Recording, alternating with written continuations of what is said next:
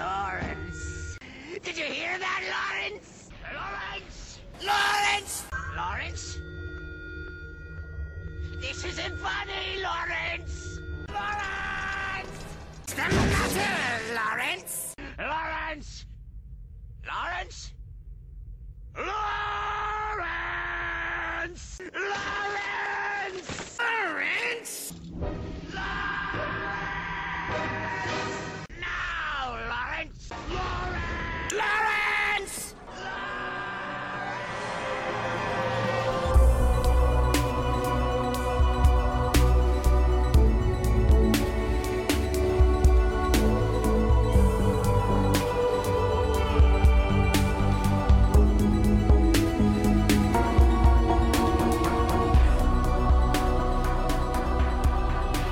Hej och hjärtligt välkomna till det 70 avsnittet av Skämshögen med mig Amanda Sten och med Jimmy Seppele.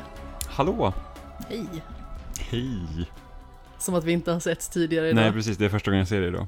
Väldigt Känns samtidigt så himla märkligt när vi ska starta podden så här och så ska man vara så himla formell. Hej! Ja men precis, och så har vi just suttit här och rapat i kapp i stort sett innan. Ja, rapa i kapp är väl lite en överdrift.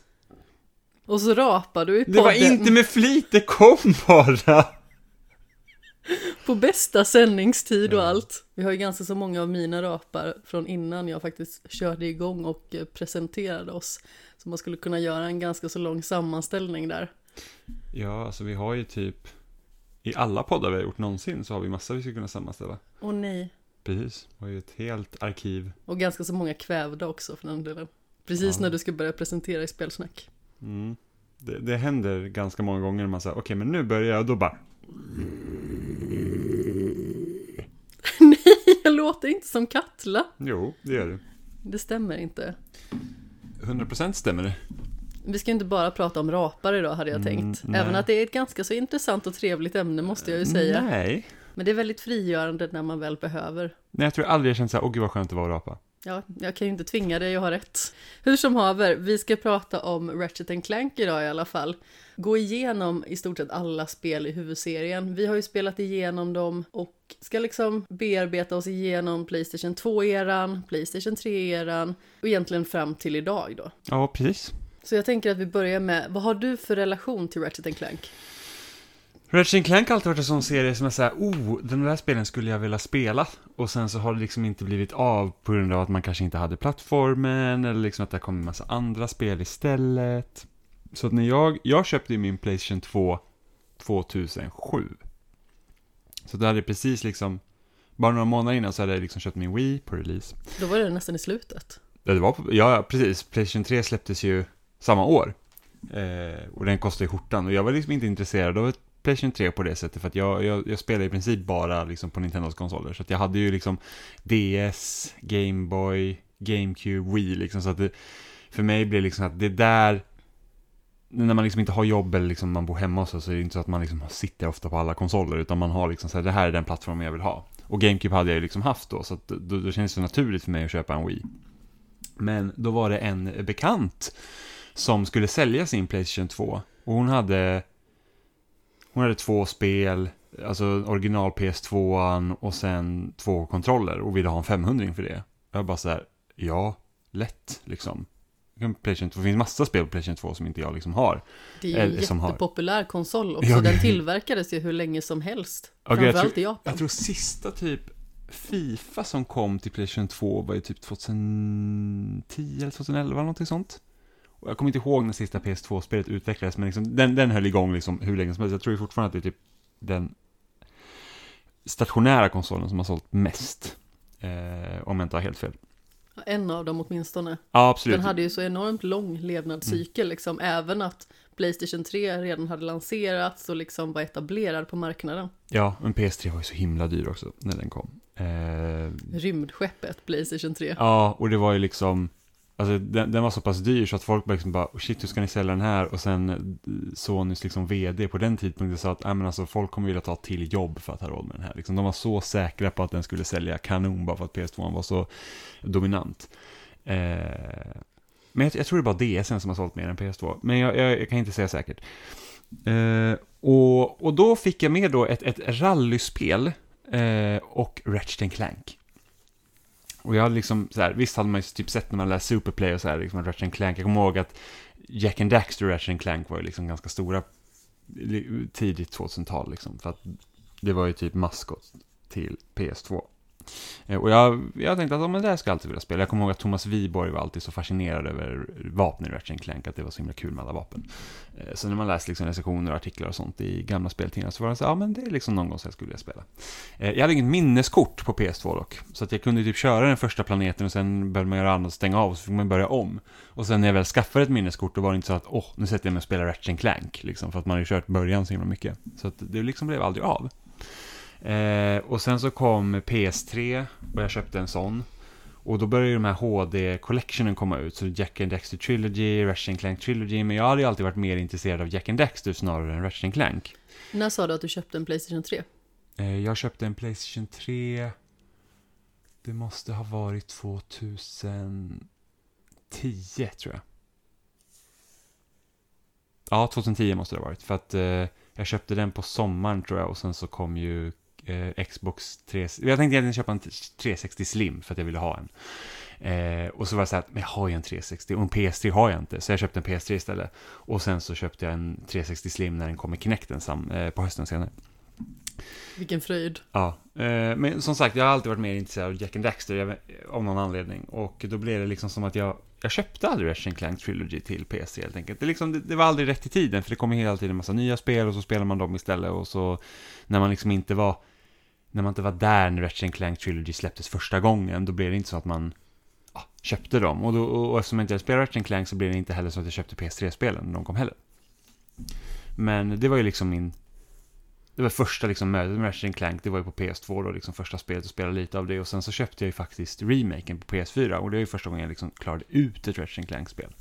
Så innan, eh, innan nu den här våren när vi har spelat igenom alla spel så hade ju inte jag bara spelat lite av ettan och klarat ut remaken.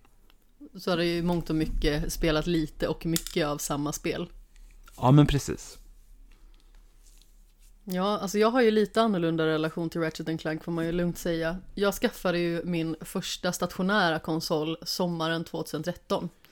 Och lite, ett litet tag därefter så bestämde jag mig för att börja beställa ett gäng spel. Och då beställde jag också Ratchet Clank. Var hemligt gjort av dig. Verkligen, jag bara tänkte, åh, vi skulle behöva vrida lite på mikrofonen.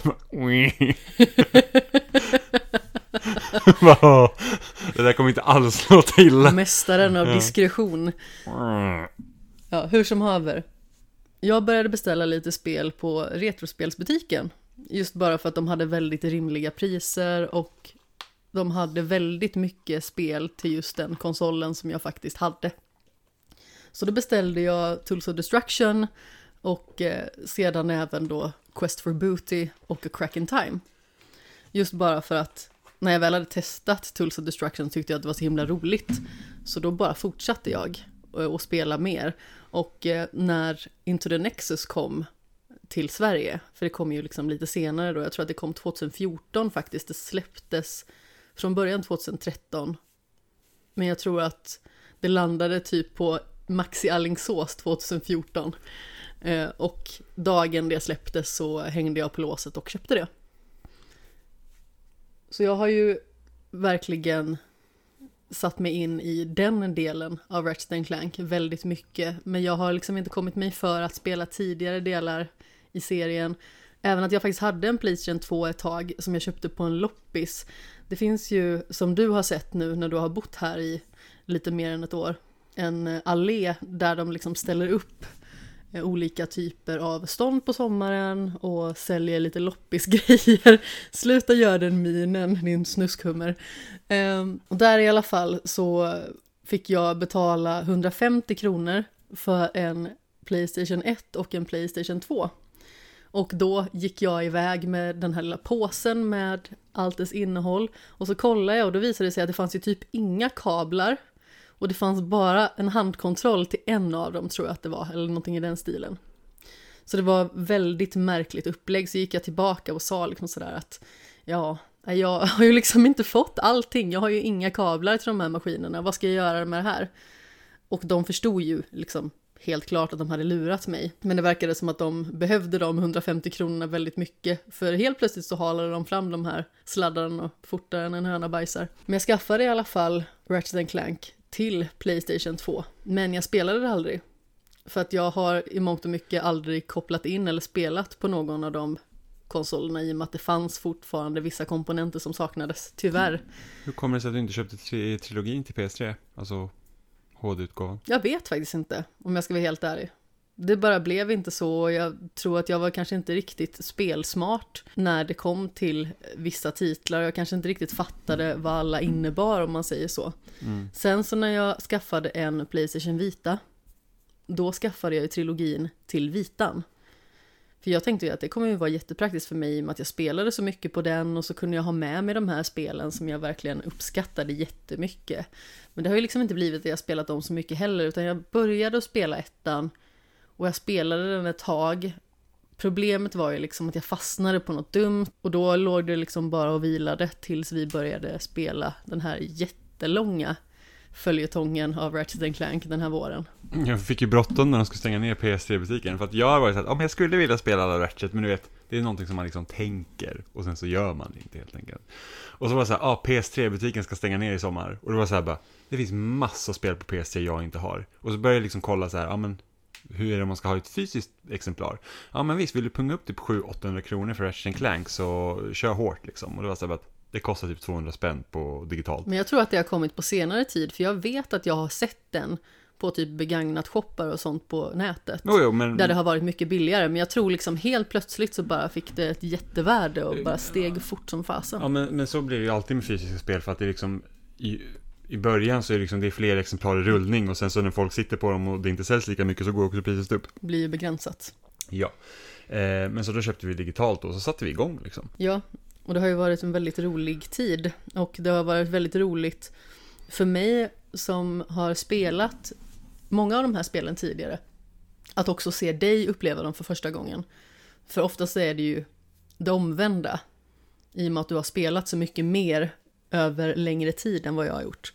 Men vi efterfrågade ju lite kommentarer och det har vi också fått vilket är mycket glädjande. Och jag börjar på Instagram, där vi har Emil som eh, skriver som följer. Har bara spelat igenom det första på Playstation 2 när det kom 2002. Var ett av de första Playstation-spelen jag lirade och älskade det, men var 13 bast när det kom och kände när de andra kom att jag var mer intresserad av spel för äldre, så tappade serien helt. Dock tänkt köra igenom nyversionen av det första för nostalgins skull. Och sen så är det våran kära redaktionskollega Martin som skriver Mina första minnen av Ratchet Clank är från en kryssning någon gång i mitten av 00-talet. På denna färja med destination Åland fanns en sektion med spel till Playstation 2 som man kunde testa. På en av dessa stationer där jag hamnade fanns ett av Ratchet Clank-spelen och speltörstig som jag var satte jag genast tänderna i det. Spelandet blev dock kortvarigt och jag blev alltför distraherad av efterrätterna på, det, på den grandiösa middagsbuffén. Ja, det är bra Martin. Alltså Vi gillar dessert. Bu jag gillar dessert. Bufféerna på Finlandsbåtarna, alltså det är typ höjdpunkten de åker dem. Alltså det är, jag är inte ett fan av desserter på samma sätt som Amanda är. Jag, det är ju liksom, det är själva maten jag sätter tänderna i. Jag gillar fika. Hur som haver, han fortsätter. Mitt nästa möte med serien blev genom en demo av Ratchet Clank 3 som ingick i den utgåva av Sly 2, Band of Thieves som jag hade. Dessvärre knöt jag inte värst starkare band till Insomniacs actionspel den här gången heller, då en sjuårig Martin fann spelet på tok för svårt. Sedan dess har jag aldrig riktigt givit Ratchet Clank-serien en ärlig chans. Däremot tycker jag att man aldrig ska säga aldrig och vem vet, 2021 kanske är året och Rift Apart är det spelet som går varmast hos en nu 21-årig Martin.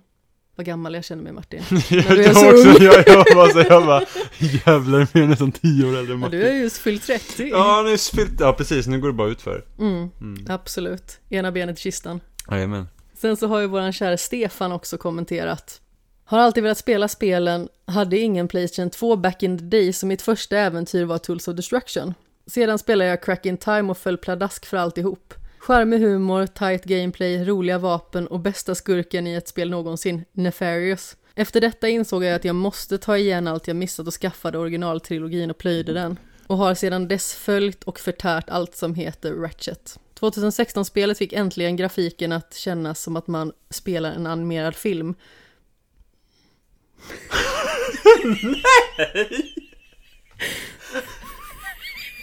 Vad?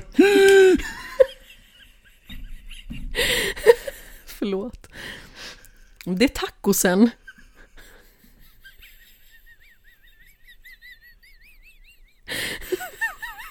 Samarbeta nu Jimmy, jag försöker läsa upp här. Mitt i talet Ja, men det var inte meningen. Bla bla bla bla.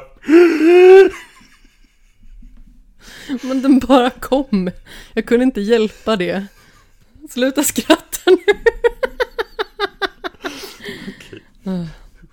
Vi tar det igen. 2016-spelet fick äntligen grafiken att kännas som att man spelar en animerad film. Och var en skön nytolkning av originalet och vävde in Nefarious i världen bättre.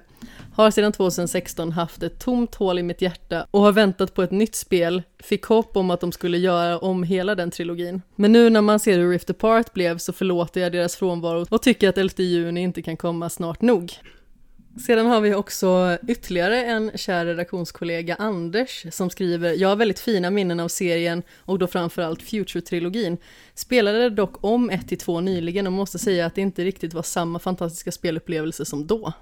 Sen har vi på Twitter också Ricky som skriver “Jag börjar känna hypen och ser väldigt mycket fram emot det nya spelet och detta avsnittet. Personligen har jag noll erfarenhet av serien förutom ett par timmar i remaken från 2016. Hur det kommit sig? Kanske avfärdar jag dessa spel som för yngre, tidigt 00-tal och tonåren. Vi var ju inte så jättegamla när det första spelet kom. Nej, men jag borde ha varit i perfekt ålder för att spela det. Mm. Du var 11, jag var 10. Ja, precis. Men det var, så första Ratchet Clank kom i princip ut samtidigt som jag började liksom bli jättemycket spelintresserad. Så att jag hade ju, alltså visst, jag har ju alltid haft så här Gameboy och så här Mega Drive och sånt, men det är inte som att man liksom hade koll. Eller att man ens liksom prenumererade på någon speltidning, utan det var ju, det var ju 2002 när jag fick min GameCube i födelsedagspresent.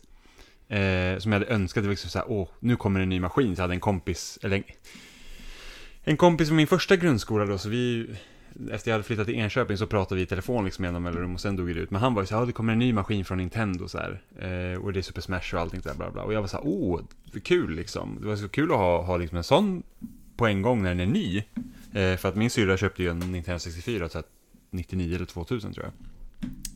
Eh, begagnad. Och, och då var det så här, åh, ja, jag ska verkligen vilja ha GameCube. Så att jag, jag önskade ju liksom en GameCube. Eh, med Super Smash när den kom och, och fick en. Och då blev det så att då när man liksom är med någonting som är nytt, då börjar jag också så här liksom köpa Superplay och sen så till slut fick jag liksom en prenumeration på den tidningen och då börjar man liksom hänga med. Och, och jag läser ju i princip uteslutande Nintendo-nyheten och typ hoppade över det mesta annat. Men sen så liksom, typ retrosektionerna av någon anledning läste jag ofta. Det var liksom så här, typ, jag blev så här jätteintresserad av typ så här Wonderboy och Megaman och så här, oh, de där skulle jag vilja spela någon gång. Och då tänkte man liksom inte, alltså man tänker så att när man är typ 10-11 år, då tänker man så här, ah, vem skulle då vara intresserad av gamla spel? Men jag var liksom helt uppslukad av så här gamla titlar. Det är liksom så här, alltså jag kommer ihåg, för några år sedan så fick jag recensera, och gud, vad heter det nu? Uh, out, ska det heta Outcast, tror jag?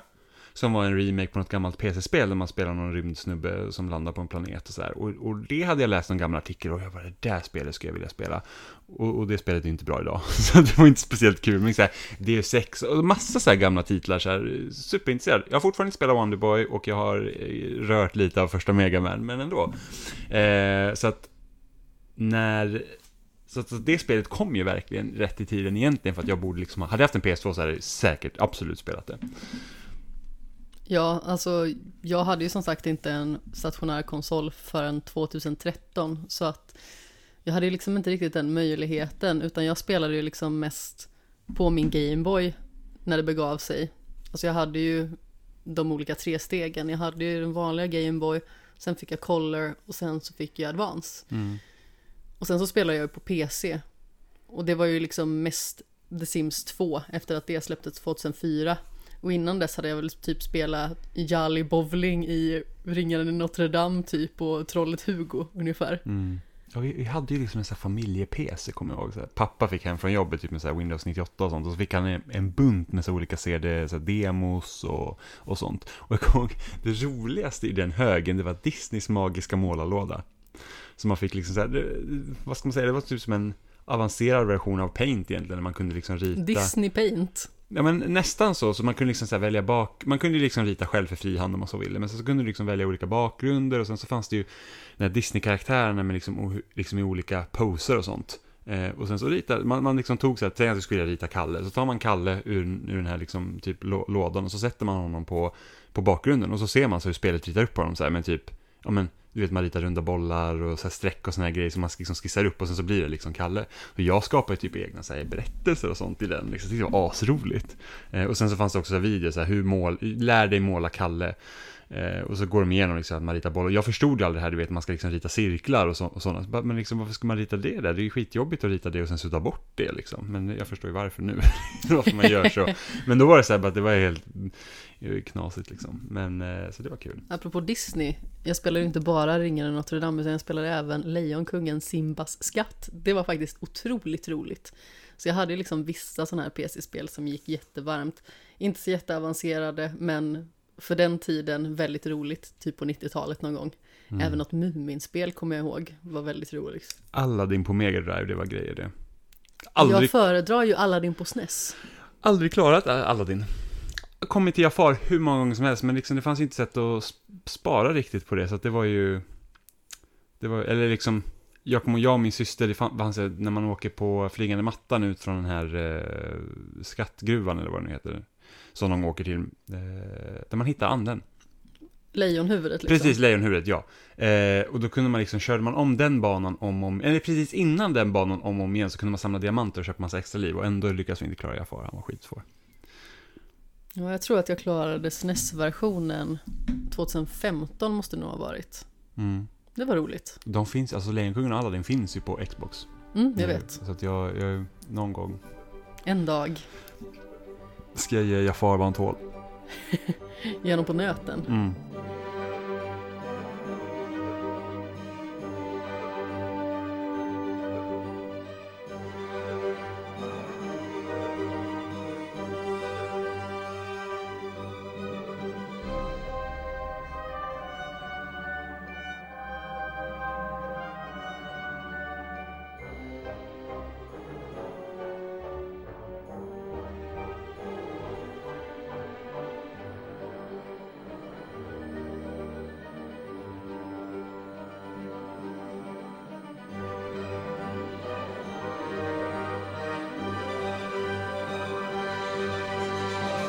Men åter till Ratchet Clank. Vi ska ju gå igenom alla spelen i serien och vi har ju spelat huvudserien då. Jag vet att det finns några sådana obskyra avstickare. Jag tror att det är någon form av så här Secret Agent Clank eller vad det är och Mm, sådana PSP konstigheter. Absolut.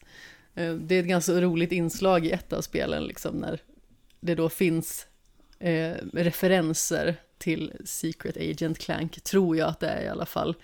Ehm, och det är ganska charmigt för då är liksom Clank i centrum och så är Ratchet liksom väldigt mycket bikaraktär helt plötsligt. Mm. Men vi ska börja med Playstation 2-eran. Och då är det ju framförallt Ratchet Clank som det första heter bara. Sedan så är det ju Ratchet Clank 2, Going Commando. Eller som vi kom fram till att det skulle heta på svenska, Se på maken, han är naken. Ja. Och även eh, Ratchet Clank 3, Up Your Arsenal. Som skulle heta vad då Jimmy? Rätt in i stinky. Jajamän. Ja. Det blir inte lika roliga titlar att leka med sedan på Playstation 3. Playstation 2 i alla fall ska vi beta av. Och du spelade på Playstation 3, ja, precis. för du köpte trilogin. Yes, digitalt. I, i, i, i ren panik. Ja, men precis, du bokstavligt talat nästan firade dig ner från balkongen och kastade dig in i Ja, ja, men det var rena rama Mission Impossible där när jag letade upp min PS3, så bara den här har jag inte startat sedan typ 2015. Så öppnar du den så kommer det ut en mal. Ja, men lite så. Eh, he- Helt otroligt att allt funkar ju i alla fall, så det var skönt. Jag tog också fram min.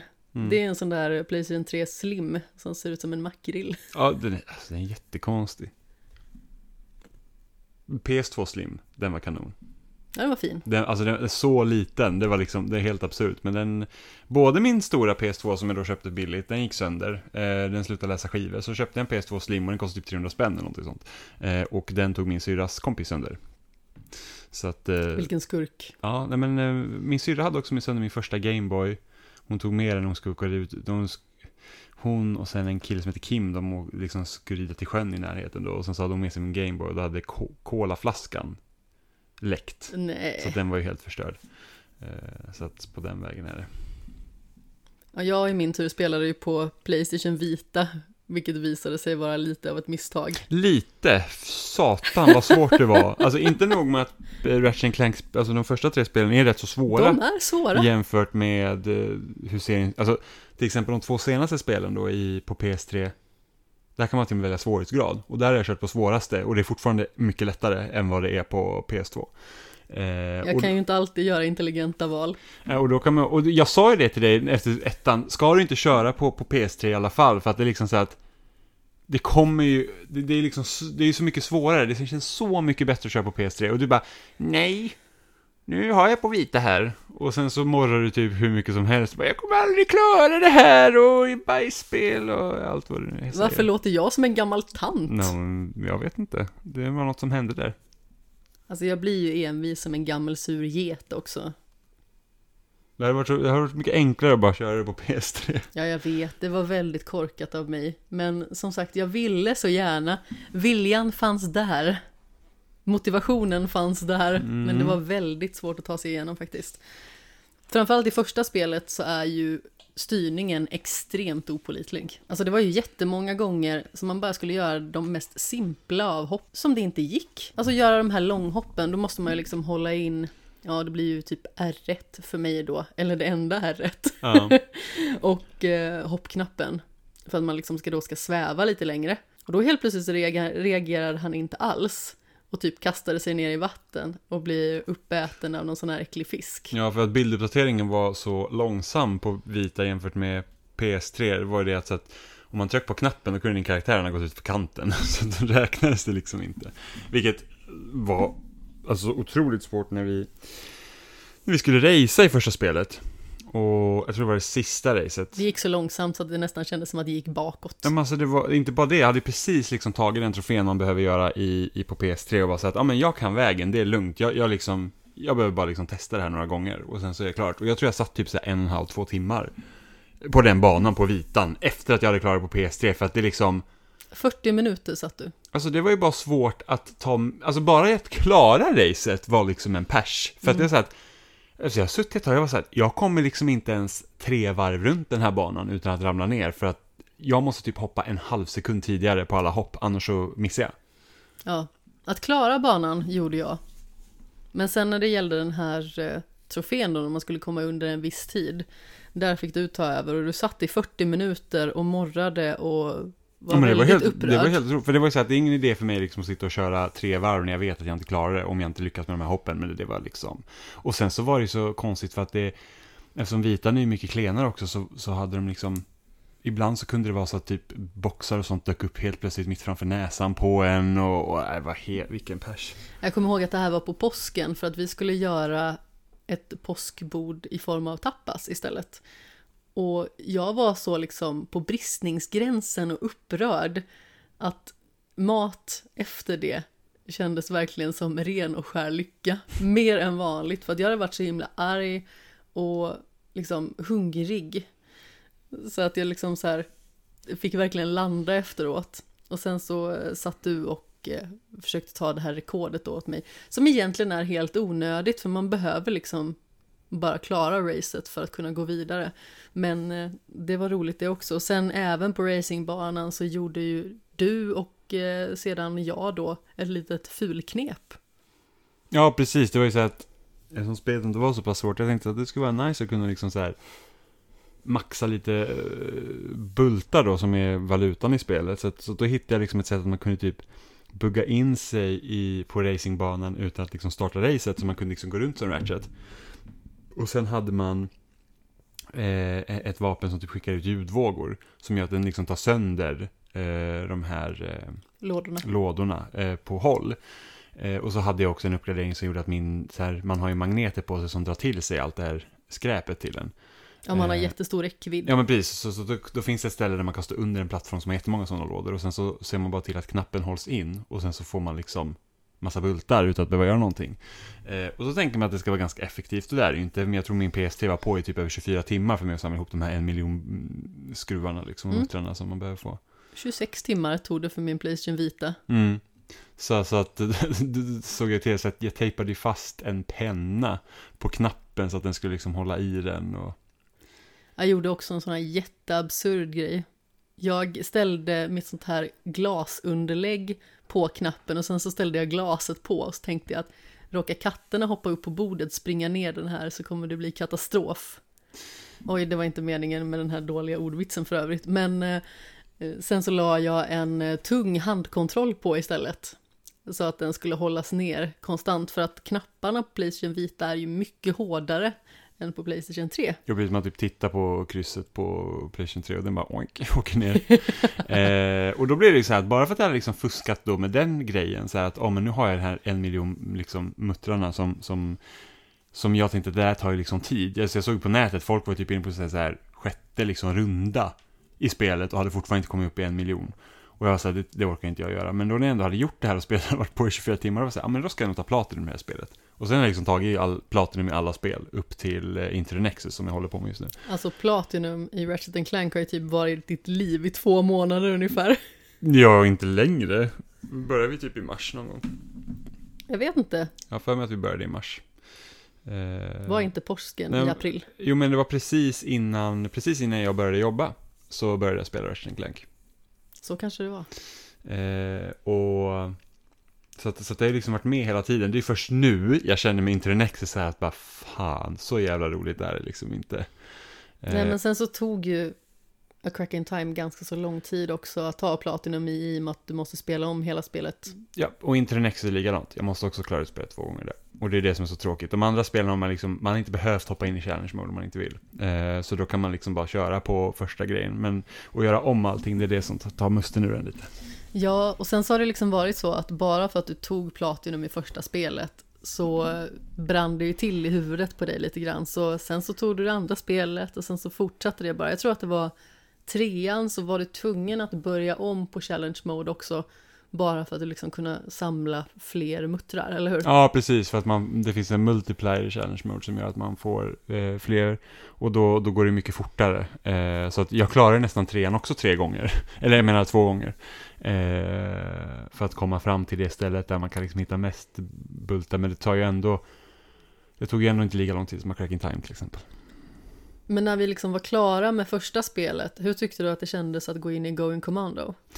Eh, alltså, det är ju lite den här klassiska grejen som det var mycket med med uppföljare på den tiden. Det var liksom att det är typ samma spel igen, fast nu liksom, nu, nu, nu spänner de tårna lite och så tar de, det är liksom allt är mycket större. Är det verkligen ett uttryck att spänna tårna? Nu är det det. De spände tårna, eh, riktigt spänna ihop med benen och fötterna och sådär. Och så tårna stenhårda. Eh, och så, och så liksom är ju allt liksom, de skruvar liksom upp det till max eh, i princip. Så att det är liksom fler, fler världar, mycket mer saker att göra, fler tokiga vapen och så. Ja. Det jag framförallt reflekterade över var ju att styrningen var ungefär en miljon gånger bättre i tvåan. Ja, en på vita, ja på vita ja, precis. Det var ju som natt och dag verkligen. Nu kunde jag ju faktiskt styra Ratchet. Jag var ju typ livrädd i ettan, vad jag än gjorde, att jag skulle trilla av någonting. Jag fick ju liksom stanna, rikta Ratchet rätt och sedan typ gå rakt fram i en rak linje. Det var jättemånga gånger som det var kanonsvårt, men i tvåan kändes det faktiskt som att man var lite mer flexibel, vilket var väldigt skönt. Däremot så var ju spelet mycket svårare, naturligtvis. Så det var ju lite olyckligt. Ja, tvåan var, tvåan var rätt så svår faktiskt. Jag tror att tvåan var det spel som jag hade mest problem med. Mm. Jag tycker tvåan fortfarande är det bästa i serien. Varför då? Jag vet inte, jag känner så här att, alltså, jag tycker fortfarande att ettan har haft de bästa banorna. Eh, hur det är upplagt liksom. Du, du kommer till en planet, ofta finns det kanske typ tre vägar att ta. Eh, varav en är liksom huvudvägen och två andra liksom är liksom avstickare. Men du vet inte riktigt vilken som är avstickaren. Men du har så att här, här är tre uppdrag på den här. Så du liksom, då får man springa runt på banan rätt så mycket. Eh, tvåan körde liksom samma modell, även om där började det bli liksom lite mer eh, strömlinjeformat. Eh, för jag, kommer ihåg att jag gillade banorna mycket mer i ettan, men samtidigt så känner jag att tvåan är, som helhet tycker jag att tvåan absolut är bäst. Det känns bäst att spela, det har de roligaste vapnen. Eh, och sen har de här olika racen och arenorna och sånt, så att det liksom... Mm, hoverbike race istället för hoverboard. Ja, precis. Så att de racerna var jätteroliga och... Och de var ju definitivt mycket mer fartfyllda. Ja, men precis. Så att, så att det liksom... Det känns verkligen som att de hittar liksom sin form där. Eh, även om jag kände då att banorna var bättre i, i ettan. Mm. Eh, och, och jag tror att även nu när man liksom spelar PS3-spelen så tror jag ändå att det är tvåan som jag håller högst. För att det är liksom så här att på PC då känner jag ändå lite att ja, det blir lättare. Och liksom, det är någonting i mig som gör att bara att den här utmaningen fanns i de tidigare spelen var liksom så att det ger det där lilla extra ändå, tycker jag. Eh, nu är det ganska skönt att inte behöva liksom sitta fast på ett ställe särskilt länge, speciellt inte när vi liksom haft lite bråttom så att vi, vi måste hinna till Och speciellt inte om man är jag. Ja, men precis. Eh, så att det liksom är skönt att eh, vi hinner liksom innan Rift Apart kommer. Men, men eh, ändå liksom, det, det jag, tror, jag tror jag ändå haft roligast med tvåan. Mm. Och om vi går över till Up Your Arsenal så var ju det spelet mycket mer hektiskt. Men det var också mindre variation, vilket Ja. jag tyckte var väldigt synd. Det var jättetråkigt för att det, det tappar lite där, för att då gick de nästan ännu mer in, liksom att plattformen fick lite vara i, i, i bakgrunden. Eh, för tvåan hade ju också så att man kunde liksom välja olika vägar och, det, liksom banorna var lite olika beroende på, på vilket håll du gick åt när du kom till en planet, även om det inte var lika stort som i ettan. Trean var väldigt linjärt istället. Det var jätterätt fram. Eh, och väldigt mycket mer action. Du hade liksom så här, ja men sidouppdrag. Fanns det liksom så här flera där du skulle liksom hjälpa då typ rangers med att typ hålla olika platser. Och det fanns kanske tre eller fyra sådana områden i spelet. Som, man, som fanns kanske här eh, sju, åtta challenges i som man skulle Mm. göra. Plus då arenan som har återkommit i Mm. alla spel. Men liksom racen var helt borta. Eh, Ja, men det var ju typ så här strid på strid på strid Ja. på strid och även liksom när det kom någon sån här avstickare så var det ju arenan som också var strid. Precis, alltså att det fanns liksom ingenting som bröt av det riktigt. Och, och i, eh, i tvåan så kunde man även flyga liksom sitt skepp, där man hade liksom ganska mycket att göra med det, liksom olika flygbanor också. Det försvann också liksom lite i trean. Så att, så att det liksom blev väldigt mycket så att strid på strid, och det, det tyckte jag var lite tråkigt faktiskt. För att det är nog för att det är kul att skjuta i Ratchet, men liksom de här spelen, och det är någonting jag överlag känner med liksom äldre spel, att där kunde det ofta komma något så här helt liksom så här random element. Man bara. Jaha, typ när man spelar Final Fantasy 7. Och det var så bara, nu kör jag typ ett race här i Final Fantasy 7, vad konstigt. Och, och, och liksom kommer olika så här typ, ja men det, det är ett spelmoment du ser en gång i ett liksom 40 timmars spel och sen kommer det aldrig, liksom bara, det händer ju typ inte idag. Och det var det så kul med remaken var ju det, att det fanns ju massa så här konstigheter Ja i det men också. precis, och man jag skulle bara, precis wow. säga det att remaken tog ju verkligen vara på det gamla och känslan i det. Men liksom gjorde det i en ny version, till exempel den här knäböjsutmaningen och eh, pull-up-utmaningen satt jag ju med länge. Jag satt ju med pull-up-utmaningen långt in på natten och typ ställde mig upp och skrek när jag äntligen klarade så att jag väckte dig. Ja, Du hade somnat eh, i soffan. Och det händer ju liksom inte riktigt i spel idag, för att det, det liksom, spel är så dyra att göra, så bara, nu har vi vår game loop här, så att vi kör hårt på det. Vi, vi liksom har inte tid liksom att hitta på något annat eh, konstigt här.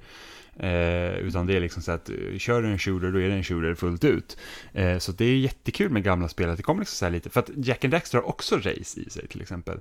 Eh, och det är en ganska vanlig grej egentligen på den här tiden, att eh, den typen av spel helt plötsligt kommer ett race mitt i allting. Men, men det är skönt med variation. Ja, precis. Och det, och det var ju där liksom trean det fattades från det. Det, liksom, det var, det var liksom så att nu, nu, nu är det bara action i princip. Och det, det tyckte jag var lite synd. Det var nog det som gjorde det ytterligare lite svårare. Men jag tyckte nog ändå att jag hade mindre problem med trean. Men jag tror att det var för att man stridade så mycket så att man typ vande sig vid det. Mm.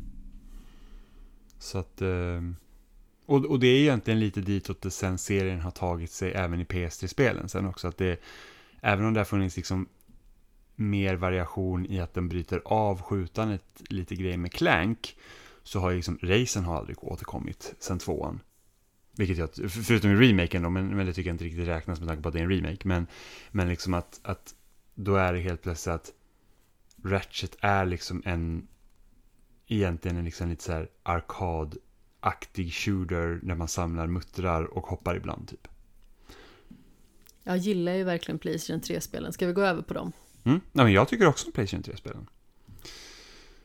Där gav jag ju upp Playstation Vita i och med att det inte finns där. Hade det funnits på vita så lovar jag att du envist hade, nej men nu har jag kört alla på vita så nu ska jag köra på vita och så hade man sagt morr, morr, morr. Ja, fast jag hade inte gjort det om jag liksom hade haft den vanliga versionen, tror jag, för att det var faktiskt en ganska så stor pers och spelade på vita. Och jag vet att du liksom tyckte att jag var helt orimlig som faktiskt spelade på den konsolen hela tiden. Och även jag tycker att jag var lite orimlig som gjorde det, men grejen var liksom att jag försökte vara så effektiv med våra resurser som möjligt, liksom så här.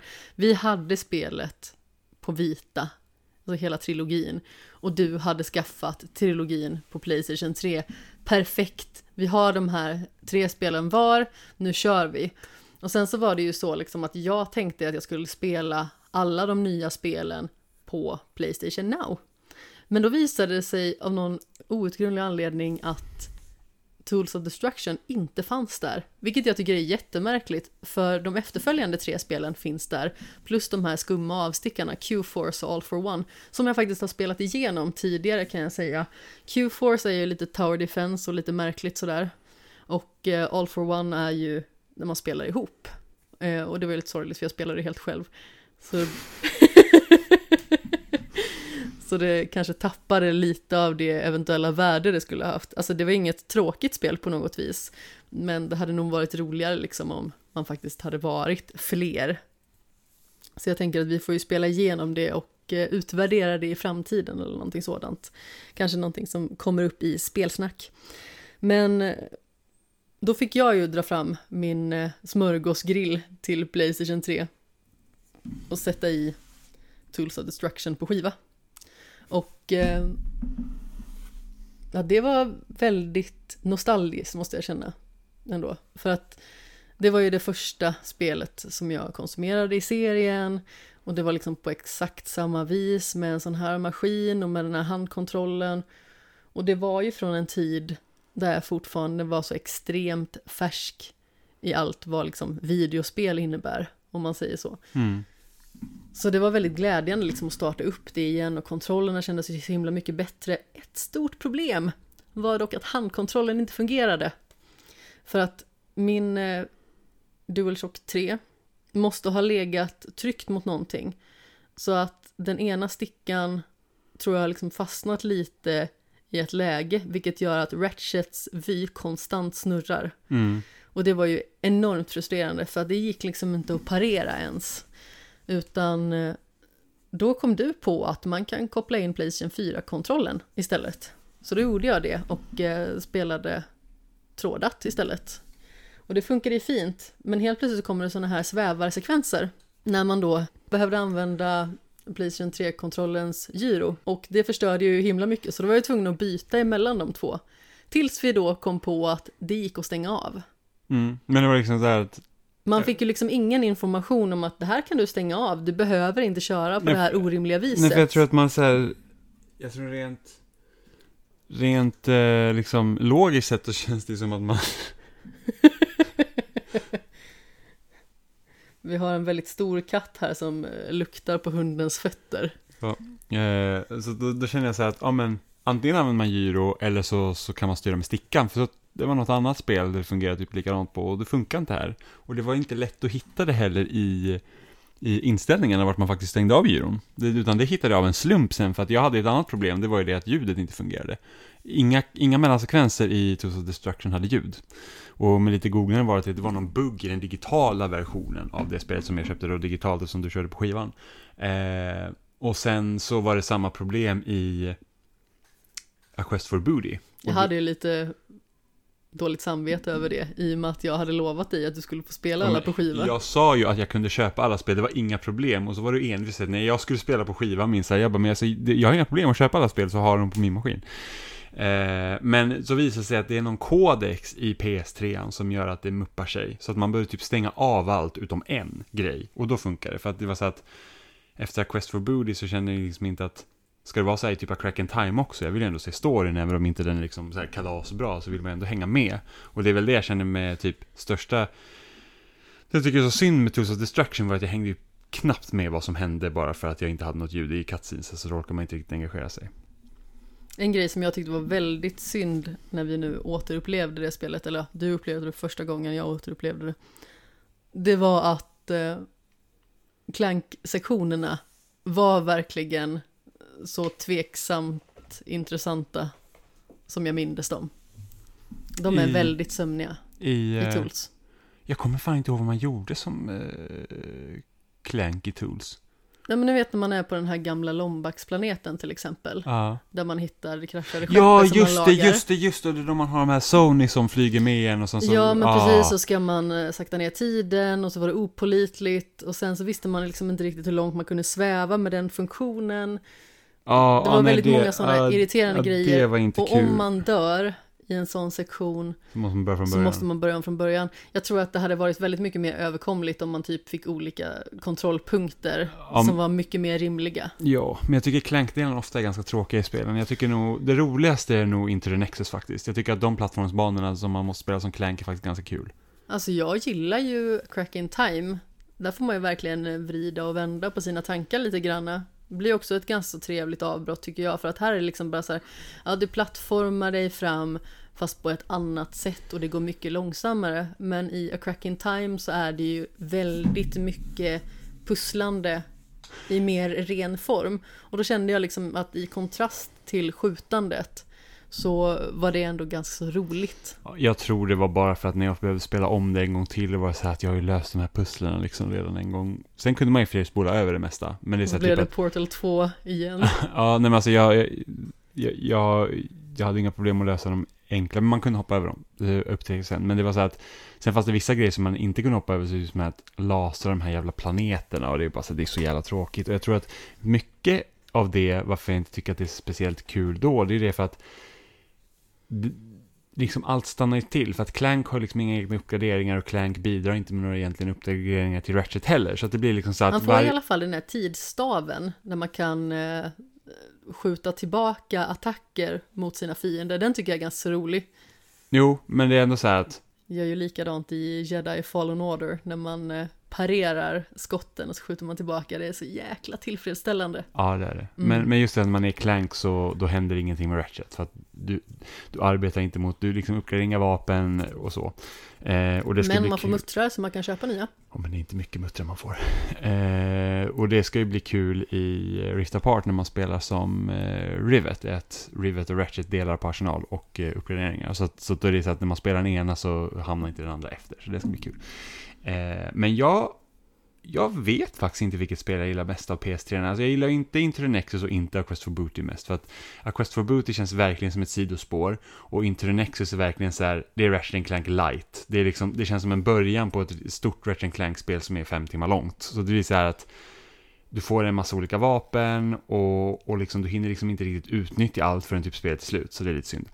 Men jag måste säga att jag gillar Tools of Destruction väldigt mycket och jag gillar också A Crack in Time väldigt mycket. Eh, den största förvåningen dock är det att hoppet mellan PS3 och PS2, alltså rent spelmässigt vad det gör, är inte speciellt stort. Jag hade nästan väntat mig att det skulle liksom vara någon liksom att det att åh, det känns inte som att jag kör ett snyggare PS2-spel, utan nu liksom händer det grejer. Och när det, Tools of Destruction känns väldigt, väldigt mycket som, som PS2-spelen, förutom att det är snyggare. Eh, Det blev ju lättare. ett större hopp för mig. Ja, ja, men precis. Och sen A Crack in Time var ju så här att, oh, då tyckte jag det var jättespännande så att de kanske ska hålla på med liksom så här tidsgrejer eh, och man kan liksom hoppa igenom eh, portaler och sånt och så här, olika delar av världen. Men de gör heller inte, alltså det blir mer som gimmicks i det spelet än att det ändrar faktiskt hur man spelar på och det kanske liksom är meningen. Jag tror nästan att jag hade väntat mig en större grej av det med tanke på att när de pratar om nu Ratchet Clank som kommer på PS5 så är det det här att oh, du kan ha de här riftsen som du hoppar igenom och du liksom laddar upp nya världar instantly. Och jag tänker så att mm, det låter ju som att det ändrar liksom hur man spelar Ratchet om, om man kan utnyttja det bra. Och jag vet inte, om någon anledning så hade jag liksom väntat mig att Cracking Time skulle liksom vrida och vända på spelmekaniken på ett annat sätt än vad det faktiskt gjorde, utan det var liksom mer Ratchet. Och nu tycker jag att Ratchet är kul va, men det var ju så att det har verkligen inte hänt så mycket genom åren.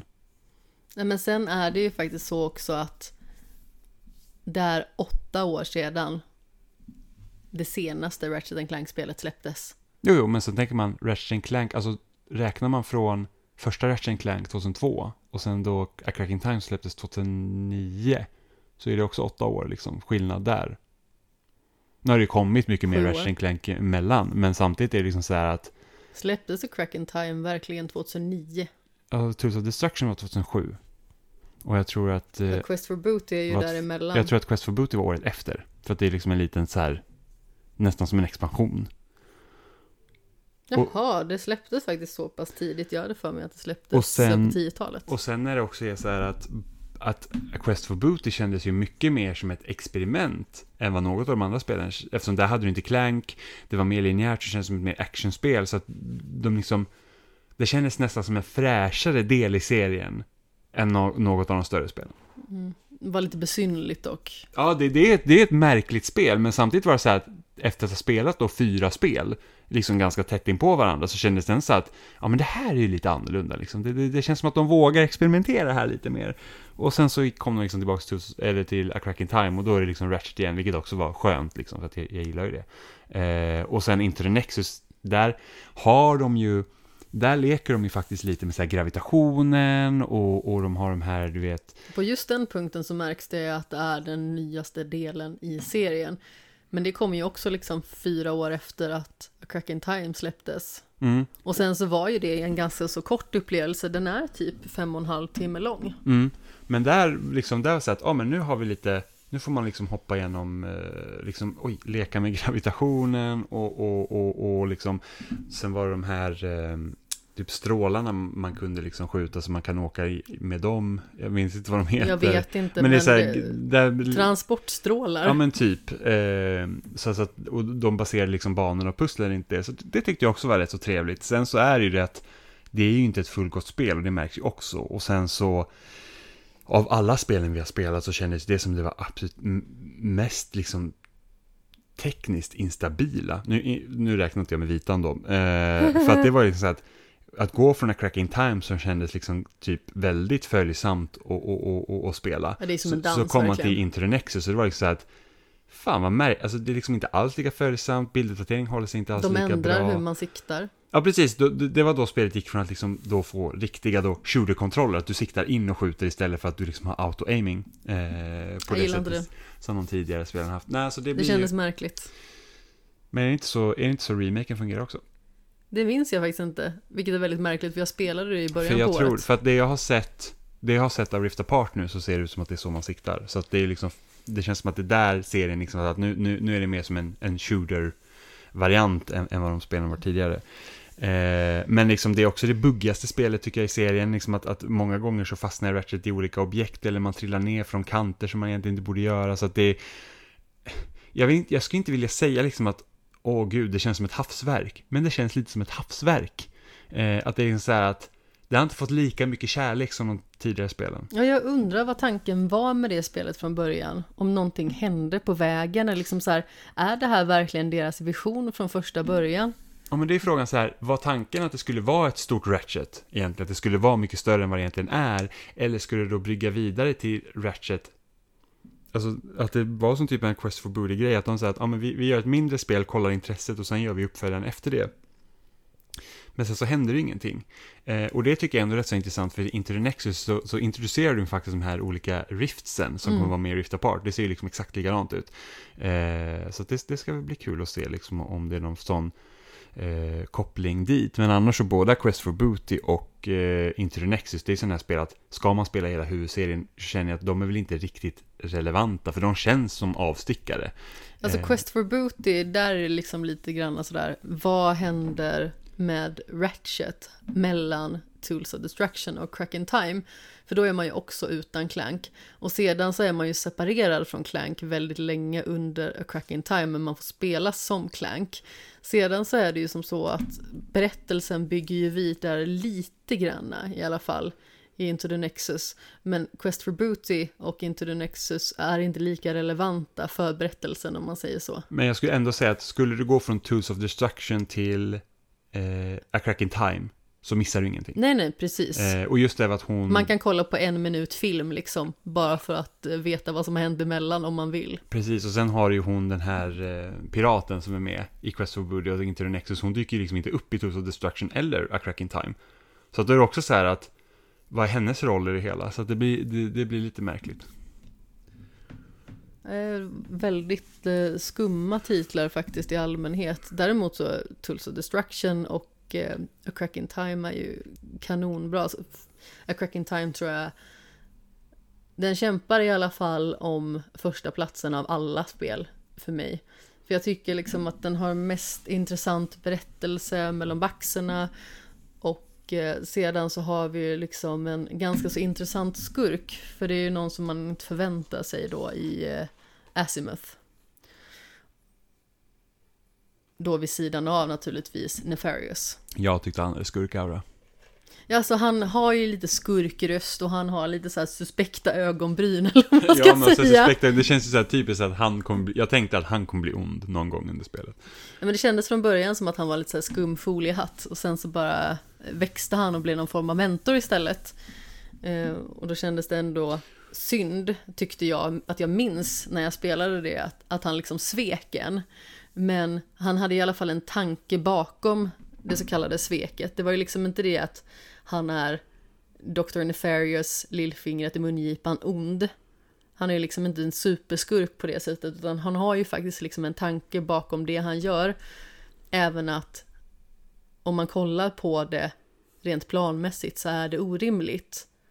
Men han förklarar ju liksom för Ratchet hur han skulle gå tillväga liksom.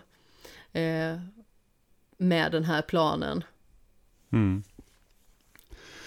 Jo men precis, eh, och det är en annan grej jag känner med liksom PS3-spelen, att där liksom skulle storyn då ta fart med, för att storyn i 1 och 3, det är liksom bara så här att, alltså det kan man lika bra slänga Det är bort. verkligen det, är liksom, blaha. Det är jättemärkligt och det är så här typ att, ja men det liksom, de försöker liksom blanda in lite olika grejer, bara för att, åh det är lite kul med referenshumor och lite sånt, lite som filmen som vi kommer att prata om sen här, det är väldigt märklig den också.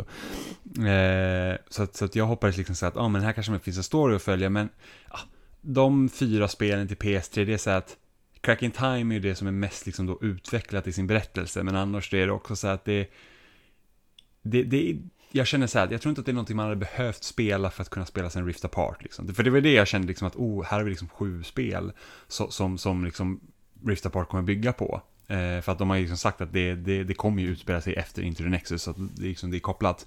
Eh, men liksom samtidigt känner jag att jag tror att man nog kan hoppa in i Rift Apart liksom, utan att ha spelat någon annan liksom, ut, och inte ha något problem med det. Sen hoppas ju jag att Rift Apart kommer ha efter Spider-Man så vet jag att Insomnia kan berätta liksom en historia som gör att man liksom eh, Bryr sig. bryr sig om och liksom känner att man, man liksom man spelar inte enbart för att det är kul att spela utan man spelar en, eh, också för att man liksom vill hänga med i storyn. Så det hoppas jag verkligen på eh, att, att eh, det nya spelet kommer att ha sen. Ja, men alltså de tidigare titlarna är ju liksom sådär att ja, men det är två sköna pajsare som eh, flyger omkring i rymden och skjuter lite grann och räddar galaxen då och då. Och som sagt, det är väldigt underhållande spel. Alltså jag älskar de här spelen. Jag tycker att de är superroliga framförallt då de på Playstation 3-eran. Det är riktigt roligt. Och jag vet att du kanske uppskattar tvåan då på Playstation 2 mycket mer.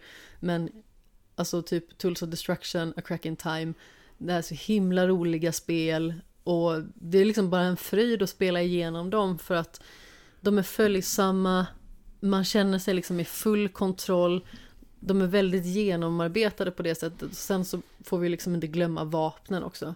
Alltså vapen i Ratchet Clank är ju så himla viktigt. Och det märker man ju liksom också på Spiderman-spelen. Just att Insomniac är väldigt bra på liksom uppgraderingar och vad karaktärerna kan göra. Och just alltså typ alla olika knasiga vapen i Ratchet Clank. Alltså jag älskar ju typ så här de olika sorters bomberna man har. Mm. Det finns ju en bomb som jag inte kommer ihåg riktigt vad den heter nu. Men jag tror att den heter Bouncer eller någonting Ja, sånt. Bounce ja. Och jag tror att den kom i... Var det tvåan? Ja, tvåan. Mm. Eh, Se, och Fler poäng till tvåan. när den uppgraderas så separeras den till flera små bomber och allt det här sprängs. Och det är väldigt roligt när saker sprängs, så det är väldigt härligt. Eh, och sen så finns det ju massa sådana här knasiga grejer som eh, typ ja, men den här diskokulan som man kan kasta ut så ställer sig skurkarna och dansar och då kan man liksom hitta effektiva sätt att ta ut dem på. Och det finns ju så himla många olika sätt att faktiskt vara kreativ. Är man en mer defensiv spelare så kan man ju använda den typen av vapen för att få skurkarna liksom att stanna upp och sedan så kan man ju attackera efter det. Du borde verkligen spela Sunset Overdrive. Ja, jag vet Jag att du tror har att sagt ett, det tidigare. ett, ett av mina favoritvapen i det spelet, jag kommer inte ihåg om det är faktiskt så här vapnet heter, men typ det TNT Teddy eller Teddy TNT eller någonting sånt. Så skjuter man ut teddybjörnar med dynamit. Och så sprängs det. Det är Wow. jätteroligt. Men sen så finns det liksom olika versioner då av eldkastare och olika skjutvapen som har väldigt olika funktion egentligen. Mm. Och det tror jag också tyckte tvåan var roligast, för när man maxade vapnen där så ändrade de sig ganska markant i hur Mm. de funkade. Och det känner jag också liksom serien har tappat lite. Speciellt Tools of Destruction, det kommer jag ihåg, det var jag nog mest besviken på i det spelet. Det var så här att när man maxade ett vapen så var det så här, jaha, men det blir ju inte så, alltså det låser ju inte upp någon så här ny stor grej för det här vapnet som ändrar hur man använder det, liksom, utan det var så här att nu är den lite starkare, så det var lite tråkigt. Ehm, Ja, men nu har de i alla fall haft ganska så lång tid på sig att verkligen tänka igenom det här spelet. Så har de förmodligen gjort väldigt många intressanta saker. Jag är väldigt spänd på det faktiskt. Ja, jag hoppas verkligen det. Det ska bli jättekul. Men, eh, men PC-spelen är fortfarande bra. Det är ju inte det. Jag tycker om dem jättemycket. Annars hade jag fortfarande inte liksom tagit platen med Cracking Time till exempel, men jag tycker att det var tråkigt. Nej, det verkar vara lite kämpigt med Into the Nexus nu dock. Ja, men det är för att nu har vi också Mass Effect att spela och, och liksom så att vi började verkligen med Ratchet Clank-spelen perfekt tid, för det kom inte mycket andra spel vid den tidpunkten. Det var liksom bara så att nu kör alla gamla spel ni vill. Och sen så kunde man typ ha kanske någon, sen något litet. Det enda vi har missat nu är ju typ Disco Elysium som, som vi ska spela. Eh, det var väl det som kom lite olyckligt. Men, Ja, eh, men sen så är det ju också ett gammalt spel, eller gammalt och gammalt. Det släpptes 2019, så det är ju liksom två år gammalt nu. Ja, till skillnad från Mass Effect som släpptes 2007. Jo, jo, men det är ändå en serie som är väldigt viktig för mig att ta mig igenom. Jo, jo, men liksom, så att, så att det är liksom, vi började ju verkligen det här projektet under perfekta eh, omständigheter just för att det inte fanns Definitivt. så mycket annat. Eh, och, och liksom nytt att spela, så då kunde man liksom ge sig in i ett så här stort projekt och liksom komma, komma igång med dem. Så att det, det har varit kul. Jag tycker också att det har varit jätteroligt och framförallt liksom att du har verkat tycka att spelen har varit väldigt roliga att spela. För det hade varit väldigt synd om jag hade försökt sälja in den här spelserien så himla länge och du bara hade avskytt den. Men nu visste jag ändå att jag, jag ju spelat remaken och det tyckte jag om. Så att, Ja, men remaken är ju något helt annat. Vi kan gå in på den och vandra över till Playstation 4 då, där det enda spelet finns. Och det Ja. är ju remaken av första spelet. Och det är väldigt annorlunda för att det är mycket kortare. Ja, det var ju, där är ju flera olika platser i spelet. eh, Det är ju som ganska inte så finns. ovanligt kan jag känna, att man gör om ett spel och gör det kortare. Ja, alltså, För att oftast så finns det liksom någon strävan efter att allting ska bli större och det ska bli mer. Här är det verkligen, Ja, om man typ tittar på typ Shadow of the Colossus eller typ Resident Evil 2 Remake-ish. Eh, vad mer? Eh, Demon Souls till exempel. Så de är liksom nästan raka kopior. Men sen så Resident Evil 3 till exempel är ju otroligt mycket kortare än originalet. ja just det. Ja, nej men, Men, men jo, som sagt, liksom att med tanke på hur, hur trogen stora delar av remaken är originalet så är det jättekonstigt att de liksom inte tog med allt. Och det beror ju på att de skulle ha en tie-in med den här filmen. ja men precis. Och alltså filmen bryr jag mig inte jättemycket om. Men remaken tycker jag fortfarande är ett av de två bästa spelen i serien. När jag spelade det så älskade jag verkligen varje sekund, till och med de delarna som var med Clank. Jag hade liksom inga problem med dem alls. Eh, jag vet att jag hade ju tyckt att vissa Clank-delar tidigare hade varit ganska så sömniga, men här kändes det liksom som ett skönt avbrott och det var väldigt liksom trivsamt hela tiden. Och sen så kände jag att det var liksom en väldigt kärnfull upplevelse. Vapnen var roliga. De hade ändrat om lite, vilket inte jag visste. För att i första spelet så är ju Nefarious egentligen inte med. Utan här har de ju faktiskt med honom. Och eh, filmen förklarar ju lite mer vad det är som har hänt. Att han från början liksom var en Galactic Ranger till exempel. Men att han eh, drevs till vansinne då för att han liksom inte kunde utvecklas och nå sin fulla potential som så att säga hjälte utan då blev en superskurk istället. Och vi såg ju faktiskt klart filmen idag och det var en väldigt märklig film. Alltså det är en jättekonstig film med tanke på så att det följer inte ettans liksom story, utan det är liksom en omskriven story av, av första spelet. Just för att det här Galactic Rangers har liksom mycket större närvaro och, liksom att Ratchet på något sätt skulle vara liksom en del av dem. Och man behöver ju liksom inte mer Captain Quark, han är ju en jävla pajas. Ja, jag, jag, jag, jag har aldrig tyckt om Captain Quark, jag tycker att Captain Quark är sämst. Eh, eh, men, eh, men det lustigaste med filmen var att den måste ju fortfarande liksom kunna funka för sådana som aldrig liksom spelar Ratchet Clank. Så den måste på något sätt liksom lägga upp premissen på något sätt, vilket filmen gör väldigt dåligt. Men samtidigt så hela tiden så, liksom, så är det så här, åh, folk som har spelat spelen måste älska den här filmen, så de liksom drar ju referenser till vapen och allting och det är liksom viktigare för dem typ att ha långa liksom actionsekvenser som känns nästan så här ihop, liksom någon har försökt liksom vävt samman dem med typ så här, vi har behövt använda silvertejp, men vi använder lite vanlig sån här tejp som, som är jättesämst. Den brun tejp. Ja, men ty, ja, inte ens packtejp, den här vanlig typ. Genomskinlig. Ja, precis.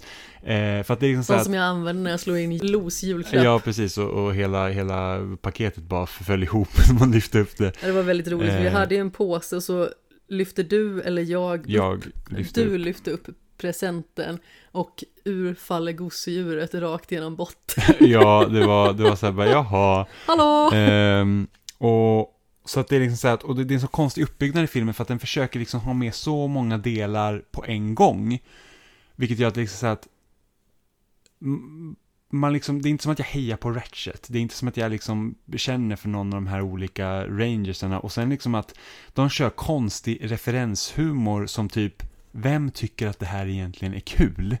Det är liksom så här bara att, det är liksom så här, "Åh, vi bryter fjärde väggen här bara för att wink wink liksom. Alltså, det var ju en grej som jag tyckte var väldigt rolig, liksom så här, på skämtnivå. Då var det typ så här, någon nämnde Nefarious.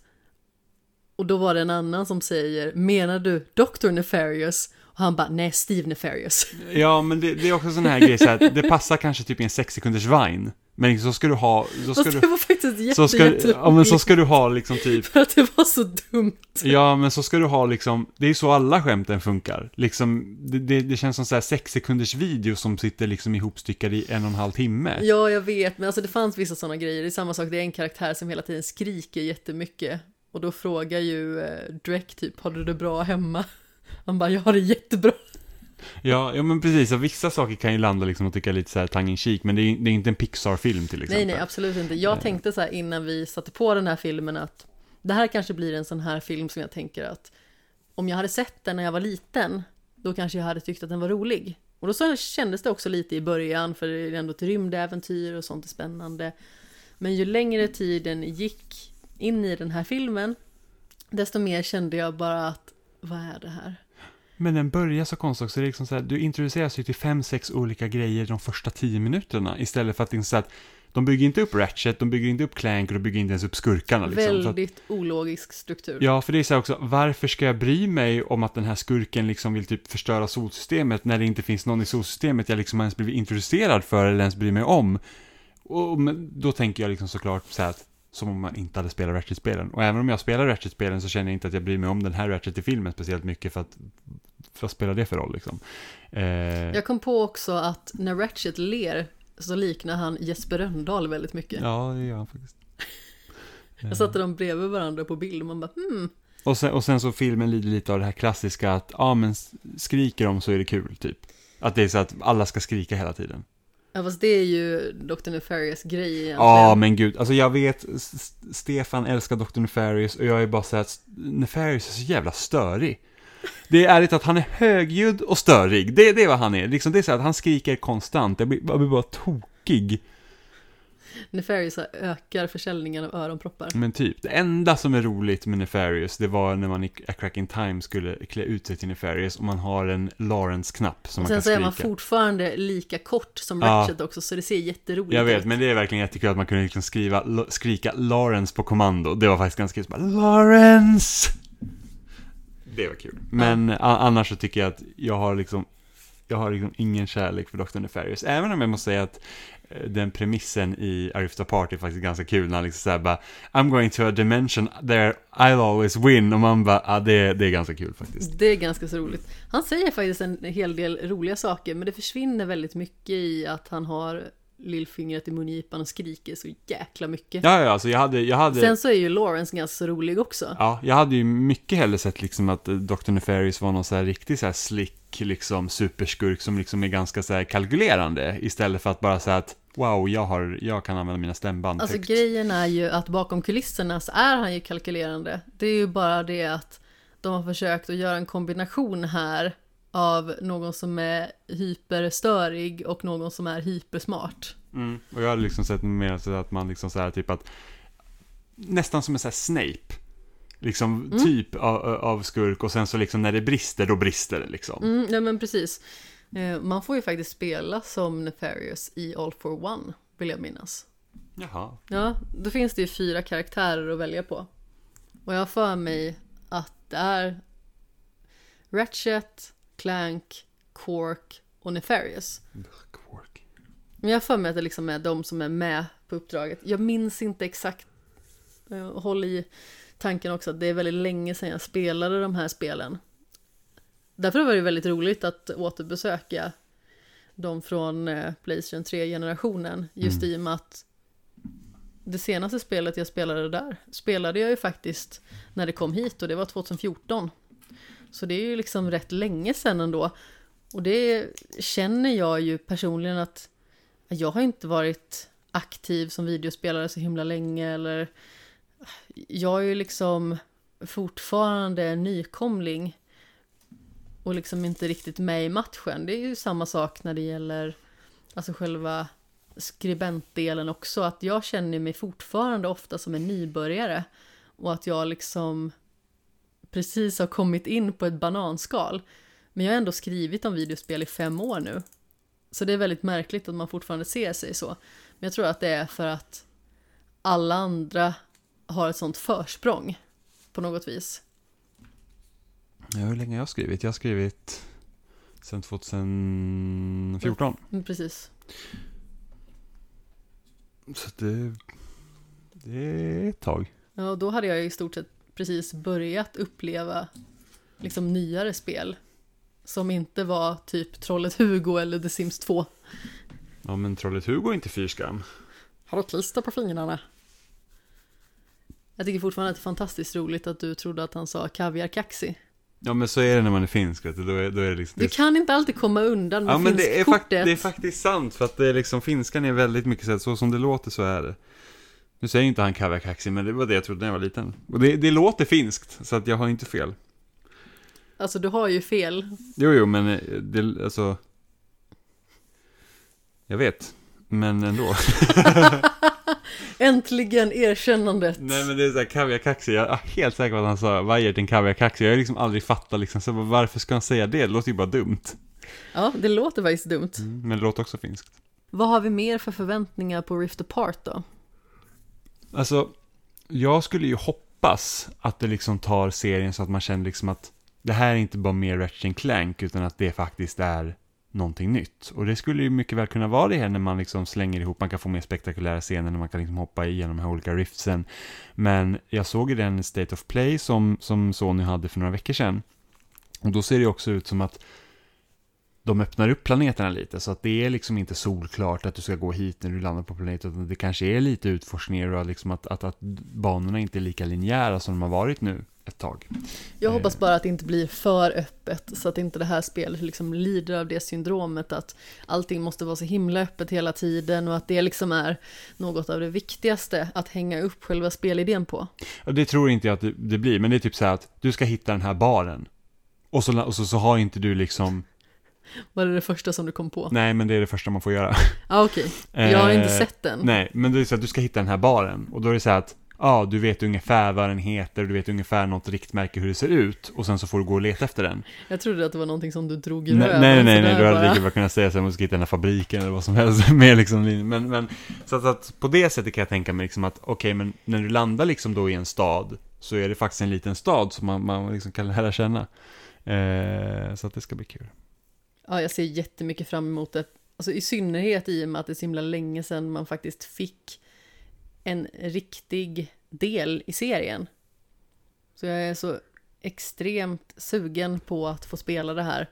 Och det ser fantastiskt ut, det ser häftigt ut. Jag tror att Rivet blir ett väldigt bra liksom, tillskott. Och jag tycker Rivet ser så himla mycket ut som Elizabeth Banks. Hon är också extremt söt. Ja, det, det är så här, det, någon, någon animatör på, på Insomniac gjorde ju en GIF av eh, hon häxan i Wonder Vision, du vet när hon eh, avslöjar vem hon har varit och så gör hon Ja. den här liksom när hon blinkar med ögat. Och så har hon gjort en, en GIF med Rivet när Rivet gör samma sak och jag bara så här, fy fan vad jag känner igen det där. Och då tänkte inte jag på att det var från Wonder Vision, jag bara, det där ser ut som Elizabeth Banks. Eh, så det var... det Väldigt kul. likt på hörntänderna. Ja, hörntänderna något med liksom formen på ögonen. Alltså Elizabeth Banks har också lite de här, de är lite typ så här kattformade ögon nästan så här. De är lite... Mm. Ja, det... Jag reflekterar inte riktigt över det, men eh, som sagt, det verkar vara en jäkligt charmig karaktär. Och det är skönt att få liksom ett litet avbrott från det vanliga också. Och kanske någonting som gör det lite extra exalterande. Och sen så vill man ju veta vad som har hänt med lombaxerna. Ja, för att det är någonting som varit på gång ända sedan Tools of Destruction, liksom att, att det är så att okej, lombaxerna försvann. Mm, varför? Eh, ja, och, vad ju, hände? och jag, jag har ju en sån här liten eh, teori om att efter att man har spelat Cracking Time, då är det så att okej, lombaxerna hittade något sätt att fly och då, då har de liksom hittat någonting som Mm. de kan hoppa in i en annan dimension. Ja, och att det där de gömmer sig. nödvändigtvis liksom inte blev att de utrotades, utan att de har bara gömt sig. Ja, de har, bara, de har hittat en alternativ liksom, universum. Mm. Eh, sen, så, sen så skulle det lika bra kunna peka på att eh, Rivet är den enda lombaxen i den här världen också. Det vet vi inte. Ja, men det ska bli väldigt spännande att se. Mm, och jag hoppas ju att de har liksom verkligen firat på storyn ordentligt så att det liksom känns som att det här är inte bara Russian Clank, utan det här är verkligen liksom en, en berättelse man vill liksom ta del av. Alltså just efter Spider-Man så har jag ganska höga förhoppningar på att de faktiskt ska kunna göra någonting riktigt, riktigt bra. Ja, jag vill verkligen ha spänning också, alltså någonting som, som fängslar på berättelsefronten. Även att jag spelar ju inte ett Ratchet Clank-spel primärt för berättelsen, utan det är ju för att det är så förpillat roligt att spela. Alltså det är ju bara spelglädje i dess renaste form, att samla sina förbannade muttrar till fördärvet, att skjuta konstiga saker med konstiga saker. Alltså, det är så enormt tillfredsställande och roligt och eh, ett tidsfördriv som man bara kan få trivas i fullt ut. Ja. Men det skadar inte om det är en bra berättelse. Precis det jag skulle komma till att om det dessutom är en bra berättelse, lika roligt och att det liksom gör nya intressanta saker. Jag är absolut öppen för att det i så fall skulle kunna bli årets bästa spel. Definitivt. Och då har vi också Horizon på horisonten. Så eh, ytterligare ett spel att se fram emot. Men det var ju väldigt intressant faktiskt för i veckans spelsnack så hade vi med Douglas och han eh, påpekade ju att det verkar som att Sony kanske har någon form av strategi här. Att de väntar typ ett kvartal ungefär med att släppa ett spel, vilket då var Returnal och sen ytterligare ett, Rift Apart och sen kanske ytterligare ett som då eventuellt skulle kunna bli Horizon Forbidden West. Det var en väldigt eh, spännande teori Mm. faktiskt. Så jag hoppas ju på att det blir så.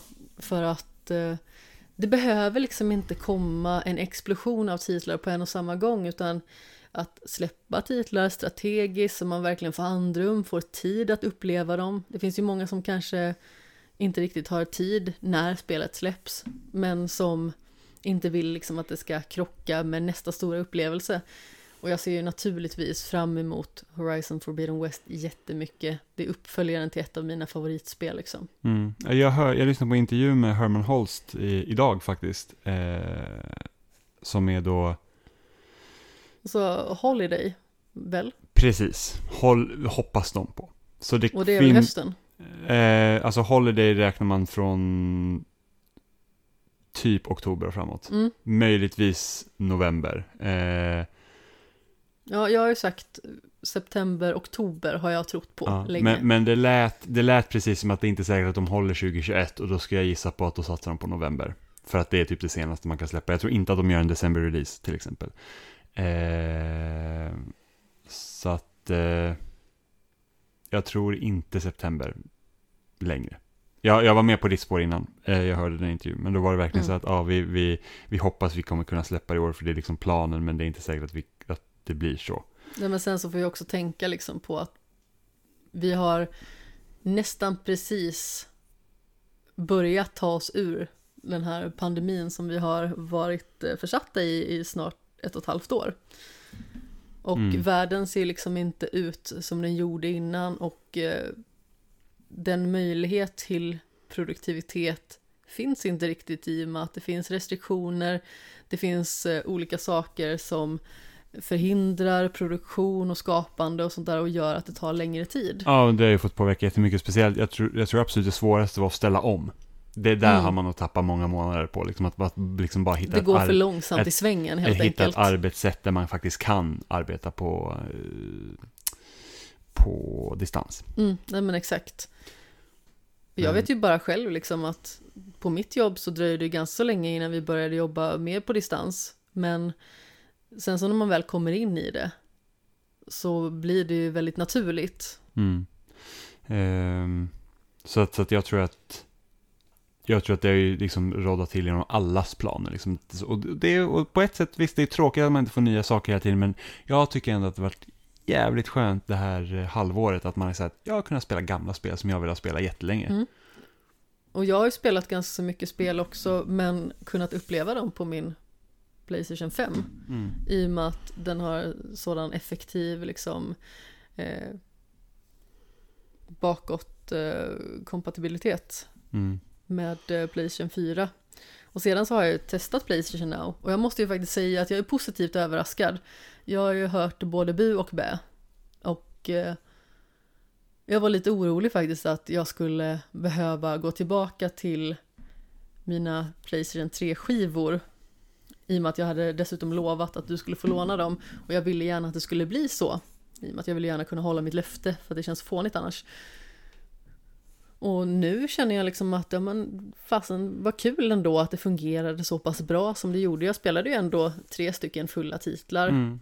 Ja, vi, har, vi har rätt så bra router och jag sett till att vi kan ha trådat. Mm. Eh, och sen så ser jag, jag ser skillnaden liksom att upplösningen är lägre när du kör på PS Now och det är en liten fördröjning när du trycker. Men det är också sånt som man märker när jag kan jämföra rakt av. Mm. Och sen är Eh. inte jag så lättkränkta och sånt där som många andra är. Nej, nej, men så, så här är det, att har man inget annat så att då funkar det ju, och, och man har liksom en bra setup så spelar, då funkar det ju. Alltså jag tyckte det Eh. fungerade hur kanon som helst. Jag menar Ratchet and Clank A Crack in Time som ändå känns som det mest avancerade spelet av de tre.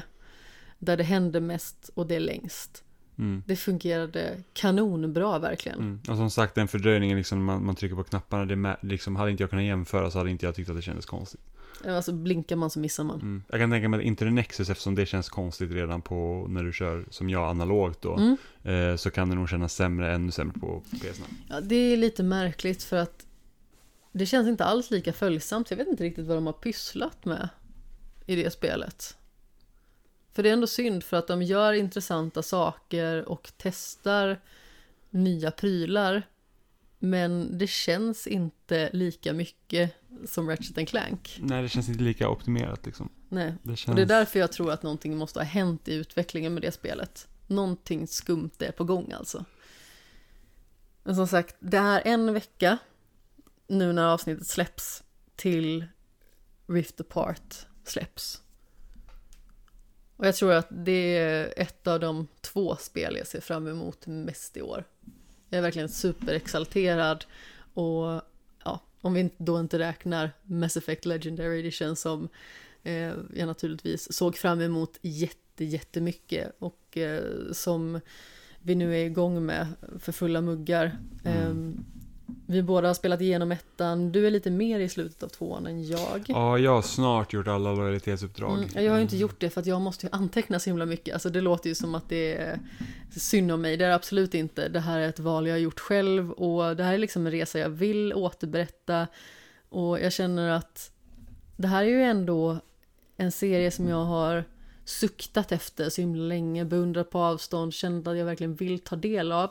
Så det har varit så viktigt för mig liksom att göra det fullt ut. Och det har varit väldigt roligt dessutom nu när jag har spelat igenom hela ettan, eh, som är mycket lättare att anteckna till för övrigt, för att det är mycket mer linjärt, även att det inte ser ut så från början. Eh, men där hade jag ju ändå, jag tror att jag hade sju sidor anteckningar och nu är jag väl uppe i, med det manuset jag har skrivit hittills, så tror jag att jag är uppe i tolv sidor eller någonting sånt. Mm. Så det blir ju mycket. Och just i eh, uppföljaren i Mass Effect 2 då alltså, så är det ju ännu mer anteckna. Det är jätte, jättemycket och det är mycket konversationer. Det är nästan så att man tycker det är skönt när man måste skjuta lite. Så jag har verkligen liksom känt att eh, ja, det tar mycket tid att anteckna och jag försöker göra det liksom så bra som möjligt. Så jag hamnar ju lite på efterkälken i relation till dig. När vi spelade ettan så klarade vi det med bara någon timmes mellanrum. Mm. Mitt i natten en fredag i stort Ja, sett. men det är bra sen om jag klarar tvåan före så kan jag spela annat medan du kommer ikapp och sen kan vi köra trean tillsammans igen. Ja, nej men exakt. Men som sagt, det är fantastiska spel. Så det är bara roligt. Däremot så undrar jag hur det ska bli att anteckna i trean som är ännu större. Mm. Men jag tror trean har större action set pieces också. Ja men sen är väl det lite mer linjärt, var det inte så himla mycket hattande? Nej, jag tror att det är mer rätt fram faktiskt. Mm. Fast tvåan är ju uppdelat så att man ska ju först leta upp många olika nya besättningsmedlemmar. Och sedan så har man ett stort uppdrag och sedan ska man leta upp några fler och sedan så finns ju de här lojalitetsuppdragen som man ska gå igenom. Så det är väldigt många uppdrag knutna till specifika karaktärer. Och de kan man ju bestämma väldigt mycket hur man vill göra, men man kan ju hatta jättemycket fram och tillbaka. Så därför har jag försökt att vara så strategisk som möjligt. Och eh, därmed har jag också varit på Ilium hur länge som helst. Mm. Har du något mer du vill eh, säga om Ratchet Clank eller sådär? Nej, jag tror inte det. Det har varit eh, roligt att spela genom alla spelen faktiskt. Och det känns som att man kan bocka av en så här stor, liksom, stort svart hål i, i min liksom spelrepertoar som jag har liksom tagit med an. Och jag tycker att det var jätteroligt att eh, spela den första trilogin som jag inte har tagit med än tidigare och sedan spela om dem som jag redan har spelat. Och sen tänker jag att jag faktiskt ska talla lite på Q-Force och även spela All for One ihop med dig sedan. Mm. Det lär vi ju spela tillsammans på Playstation 5 då. Så det är väldigt roligt att äntligen få mer Ratchet Clank och hur mycket jag än liksom älskar remaken från 2016 så är det ju fortfarande bara en remake. Om man säger så. Mm. Jag har så svårt att placera remaken nu som jag inte har spelat det. Det är så länge sedan jag spelade det nu. Eh, men jag tror att min topp tre skulle nog vara Ratchet Clank 2, Ratchet Clank 1 och sen A Crack in Time. Jag har lite svårt att välja med A Crack in Time och Tools of Destruction, men jag tror att A Crack in Time känns mer... Det är lite större än Tools. Så jag tror nog att det blir så. 2, 1, A Crack in Time. Mm. Jag har lite svårt att göra en topp tre sådär, men jag vet ju att min, om vi säger delade första plats är Ratchet Clank Remake och Ratchet Clank A Crack in Time. Men som sagt, vi ska ju runda av för idag tänker jag och eh, vill man höra mer om Rift Apart när det kommer så kommer vi ju naturligtvis prata om det i spelsnack och då har vi ju bjudit in den gode Stefan Mm. Måste bara be om ursäkt Stefan över att jag råkade rapa mitt i ditt meddelande innan. Det var väldigt ofint av mig, men jag kunde inte förhindra det. Det var så här tacosen som hemsökte mig. Eh, Ja, det känns också som att vi hånar Stefan lite där i och med att vi eh, pratade om just tacokväll tidigare i våran chatt. Så det blir lite extra internhumor där. Men hur som haver, skämshögen kan man hitta på sociala medier i form av skamshogen på Twitter och Instagram. Och eh, naturligtvis även på Facebook, Wordpress och så vidare. Och vad hittar man dig Jimmy? Jag skriver om spel på loading.se och jag eh, pratar om spel på Spelsnack. Som finns överallt där man lyssnar på podcasts. Ja, och jag heter ju Kapten Sten i sociala medier. Sten med två E som vanligt och eh, jag skriver på loading och jag pratar i spelsnack förutom här. Och eh, om man har råkat missa det så har vi också den här soloföljetongen med bara mig där jag pratar om Mass Effect i Kapten Stens rymdäventyr och nästa episod borde inte vara långt borta. Jag är snart klar med den delen av manuset. Jag försöker liksom ta en del i taget så att jag hela tiden har det ganska så färskt i minnet och sådär. Det är en väldigt rolig grej att göra, men det tar också en del tid och eh, förberedelser och dessutom klippande i efterhand och sådär. Och det är ändå inte så jättelångt poddavsnitt som det genererar med eh, en del jobb. Men det är förbannat roligt faktiskt. Tills vi hörs nästa gång. Puss i ljumsken. Hej då!